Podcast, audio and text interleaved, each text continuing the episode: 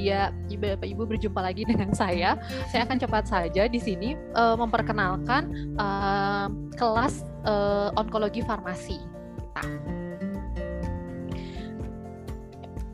Oke, okay, jadi uh, tadi ya dari presentasinya Pak Manit dan presentasinya Pak Eko, mungkin saya bisa sedikit menyimpulkannya dan sedikit uh, uh, apa namanya uh, melihat juga bahwa waktu saya nih pertama kali seba, uh, sebagai yang bekerja di onkologi farmasi itu kayak masuk ke onkologi farmasi itu rasanya kayak dicemplungin ke lautan yang luas terus kayak ngelihat gunung es yang kayaknya tuh cuman oh ini ada resep ada protokol kemo gitu.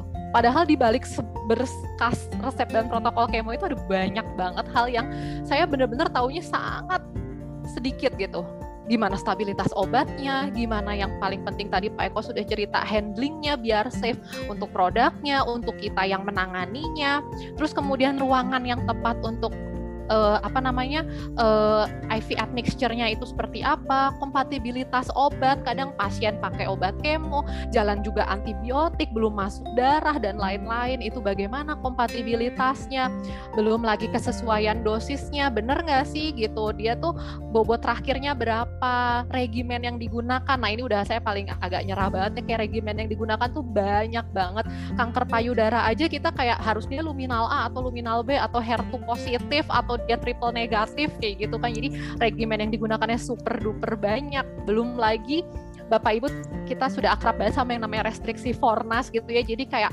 harus bisa baca, even harus bisa baca hasil PA pasien ya kan, hasil PA pasien untuk tahu dia kansernya apa, jadi obatnya di cover atau enggak. Belum lagi kalau pasiennya dapat efek samping dari obat kemo yang kita tahu efek sampingnya tuh banyak dan jangka panjang lagi kan kemo ini nggak sekali datang selesai gitu. Belum lagi kecepatan perkembangan obat onkologi. Kayaknya saya tuh masih baru mencerna gitu ya apa yang namanya targeted terapi. Sekarang udah muncul banyak banget imunoterapi. Belum lagi obat-obat kemo oral itu juga udah banyak banget dipakai sama pasien. Bahkan di luar negeri udah sampai ke arah CAR T-cell gitu. Jadi wow banget gitu perkembangannya. Nah, uh, dari hasil webinar sebelumnya yang diadakan tanggal 11 April itu tuh uh, di, di webinar tersebut itu ditanyakan tuh ya uh, Anda sebagai apoteker itu berminat nggak sih kalau ada nih sebuah forum belajar bersama forum diskusi bersama mengenai farmasi onkologi And uh, surprisingly 95,1% dari sekitar 400 orang yang ikut webinar hari itu menyatakan iya berminat. Nah, kalau kita lihat lebih jauh, uh, itu hari yang diinginkan itu memang adalah hari Sabtu sama Minggu. Mungkin kalau hari kerja, kita udah stres banget kali ya pulang ke rumah cuma pengen tidur gitu ya. Jadi hari Sabtu dan Minggu ini paling banyak diminati. Terus kemudian waktu yang tepat itu siang, siang sore, dan uh, intervalnya itu adalah setiap bulan gitu. Nah, dari berangkat dari hasil uh, uh, apa polling yang kita adakan di webinar sebelumnya ini, maka uh, beberapa uh, apoteker yang memang uh, selama ini berminat dan juga uh, berkecimpung di bidang onkologi farmasi itu uh, berinisiatif untuk membentuk yuk kita bikin kayak sebuah kelas gitu. Buat apa sih kelasnya ini? Jadi kelasnya ini sebenarnya punya dua tujuan. Yang pertama tujuannya adalah wadah untuk belajar. Tadi Mr. Manet udah bilang ya yang paling uh, utama gitu uh, bahwa kita adalah selalu harus belajar, belajar, belajar. Saya setuju banget. Mungkin waktu kita kuliah tuh kayak pelajaran tentang kemoterapi itu berapa sih, berapa jam dalam seberapa tahun kita uh, kuliah baik uh, S1 maupun apoteker gitu. Jadi uh, kami berharap ini dapat menjadi wadah belajar berkelanjutan buat para apoteker Indonesia yang memang bekerja di bidang onkologi. Uh, dan ini uh, untuk selain belajar gitu kami juga ingin kita tuh punya sumber daya manusia ya yang memiliki pengetahuan dan keterampilan yang memang mumpuni di bidang onkologi farmasi terutama tadi ada salah satu pertanyaan juga kan yang nggak pede bekerja dengan tenaga kesehatan lain dokter-dokter kahom dokter-dokter onko lain gitu ya eh, pada saat kita bekerja dengan onkologi farmasi nah Kenapa sih namanya onkologi farmasi kelas dalam kurung basic? Nah, karena kita berharapnya dari basic kelas ini kita bisa lanjut menjadi advance kelas.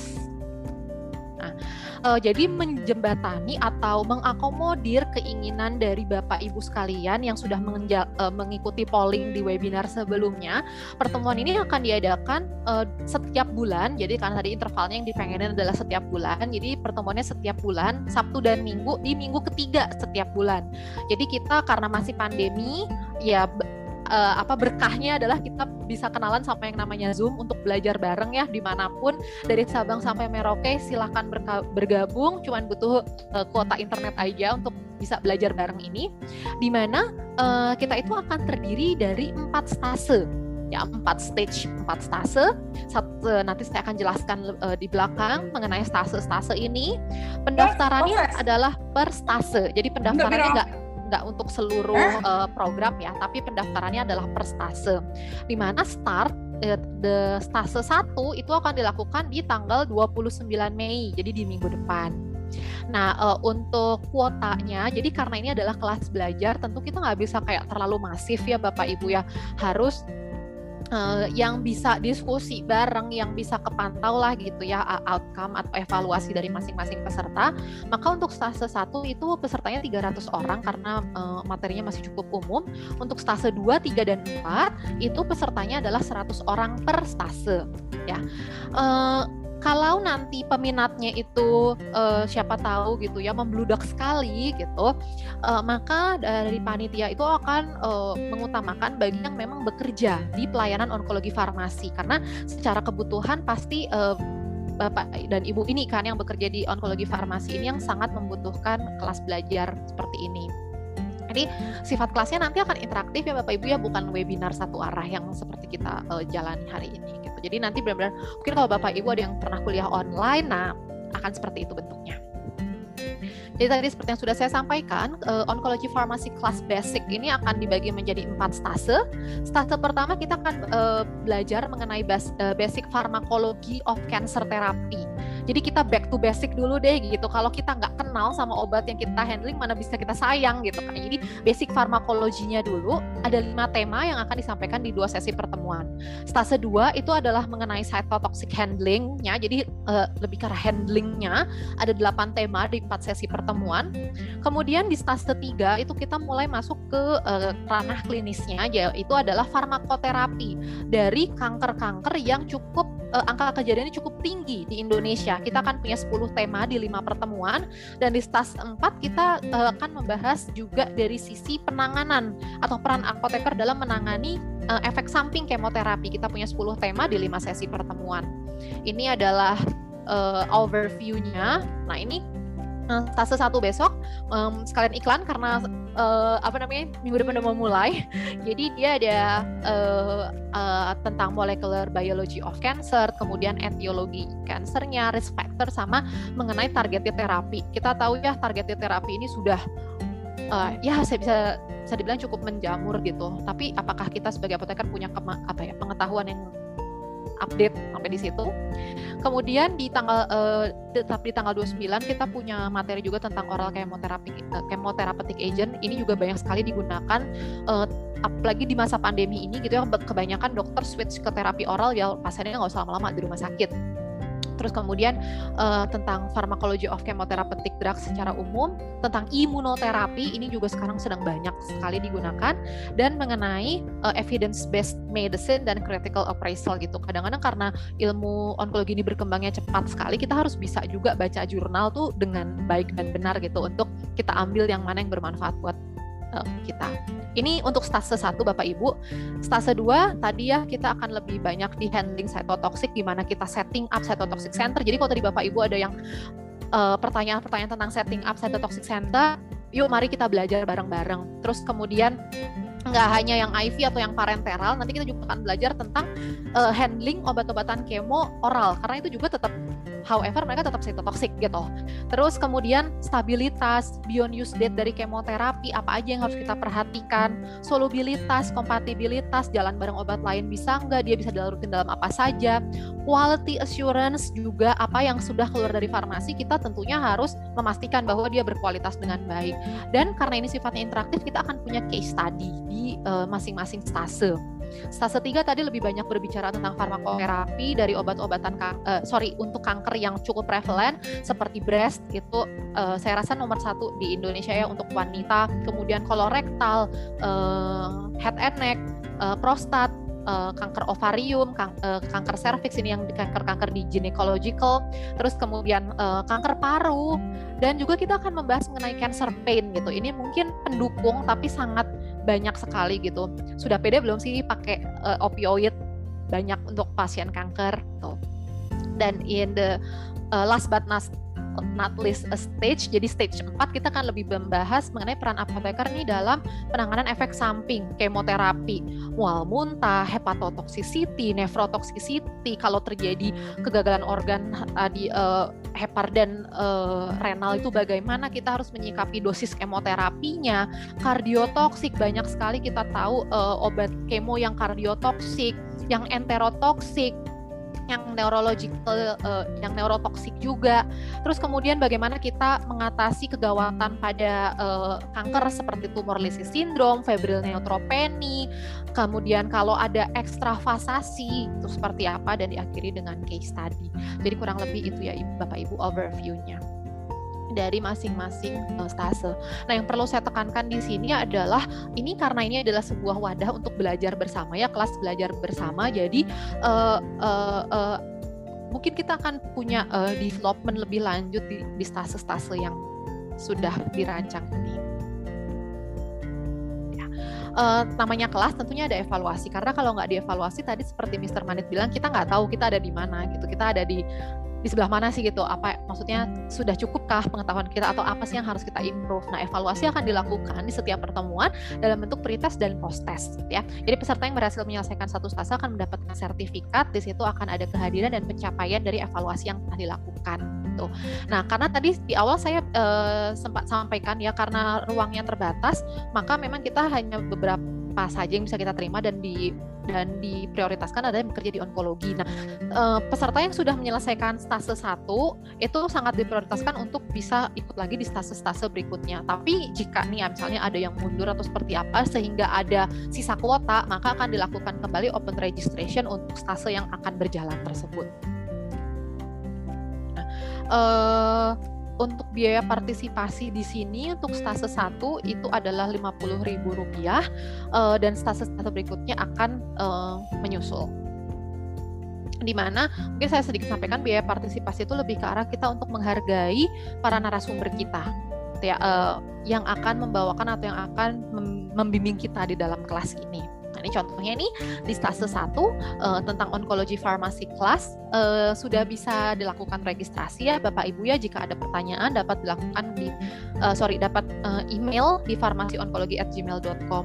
Di stase 1 kita akan running minggu depan tanggal 29 sampai 30 Mei itu uh, kita akan punya uh, basic cancer and pharmacology dari chemotherapy agent ada Prof Dia uh, hadir juga di sini ya Prof. Selamat sore Prof. Terima kasih sudah mau uh, menjadi salah satu narasumber juga nanti di kelas kami. Kemudian ada Ibu Vita, ada Pak Sarmoko, ada Pak Tunggul yang uh, semuanya sudah berpengalaman di dalam uh, farmakologi jadi chemotherapy agents.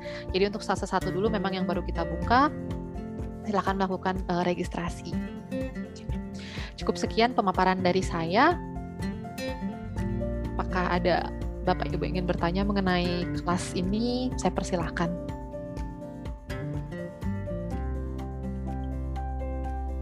Oke, mungkin saya menjawab yang ada di chat room dulu ya, mungkin agak dari bawah. Uh, dari Bapak Hari Agusta, apakah harus mengikuti semua stase? Bagaimana kalau jadwal kelas yang sudah terdaftar kitanya tidak bisa mengikuti karena jadwal pribadi? Uh, jadi uh, uh, apa sejauh ini yang kami sepakati bersama adalah um, tidak harus ikut semua stase ya, tapi stase satu dulu silahkan diikutin hingga selesai. Bapak Ibu jika ingin lanjut ke stase berikutnya akan sangat kami prioritaskan seperti itu. Terus kalau tidak bisa mengikuti karena jadwal pribadi, eh, sebenarnya sih eh, kami pribadi belum menentukan ya jadi kayak berapa persen sih harus kehadiran seperti itu tapi ya ini kembali lagi kan untuk manfaatnya untuk bapak dan ibu gitu ya jadi ya mungkin kalau bisa uh, uh, apa namanya disempatkan gitu ya. Uh, karena jadwalnya tadi per, per tanggalnya sih kita sudah sudah ada gitu kan ya. Jadi itu bisa mungkin menjadi pertimbangan. Uh, terus kemudian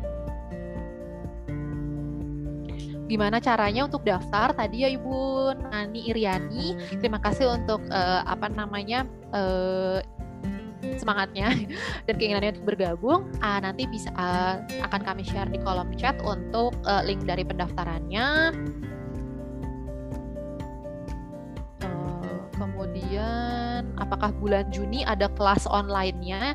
Iya ya Bu Maria Ulfa, tapi itu adalah yang untuk stase 2. Jadi untuk uh, tadi seperti yang sudah saya sampaikan di jadwal, untuk uh, stase itu uh, satu stase uh, sorry satu bulan itu memang cuma diadakan di Sabtu dan Minggu, Minggu ketiga gitu. Jadi kayak cuma dua kali dalam setiap bulan. Jadi di bulan Juni nanti pasti ada Bu, tapi itu udah langsung masuk ke stase kedua. Stase satunya adalah di uh, uh, bulan Mei ini. Jadi stase 2 punya yang beda lagi ya Bu ya.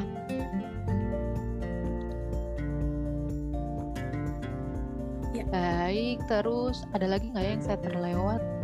Ada syaratnya menjadi anggota kelas uh, tadi ya uh, apa namanya kita uh, me memprioritaskan gitu ya karena karena uh, kursinya terbatas itu jika terjadi uh, pesertanya melebihi kuota yang kami akan prioritaskan adalah ya, yang berpraktek di farmasi onkologi makanya nanti kalau di, di di formulir formulir pendaftarannya biasanya kami juga akan menanyakan gitu selama ini bekerja sebagai apa.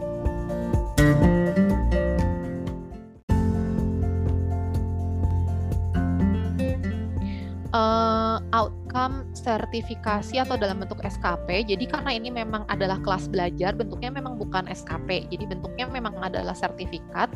Uh, di situ akan ada kan ya materi-materi yang sudah diikuti uh, apa saja. Jadi hopefully bisa menjadi bekal gitu ya buat teman-teman untuk ke depannya mungkin kayak ke instansinya untuk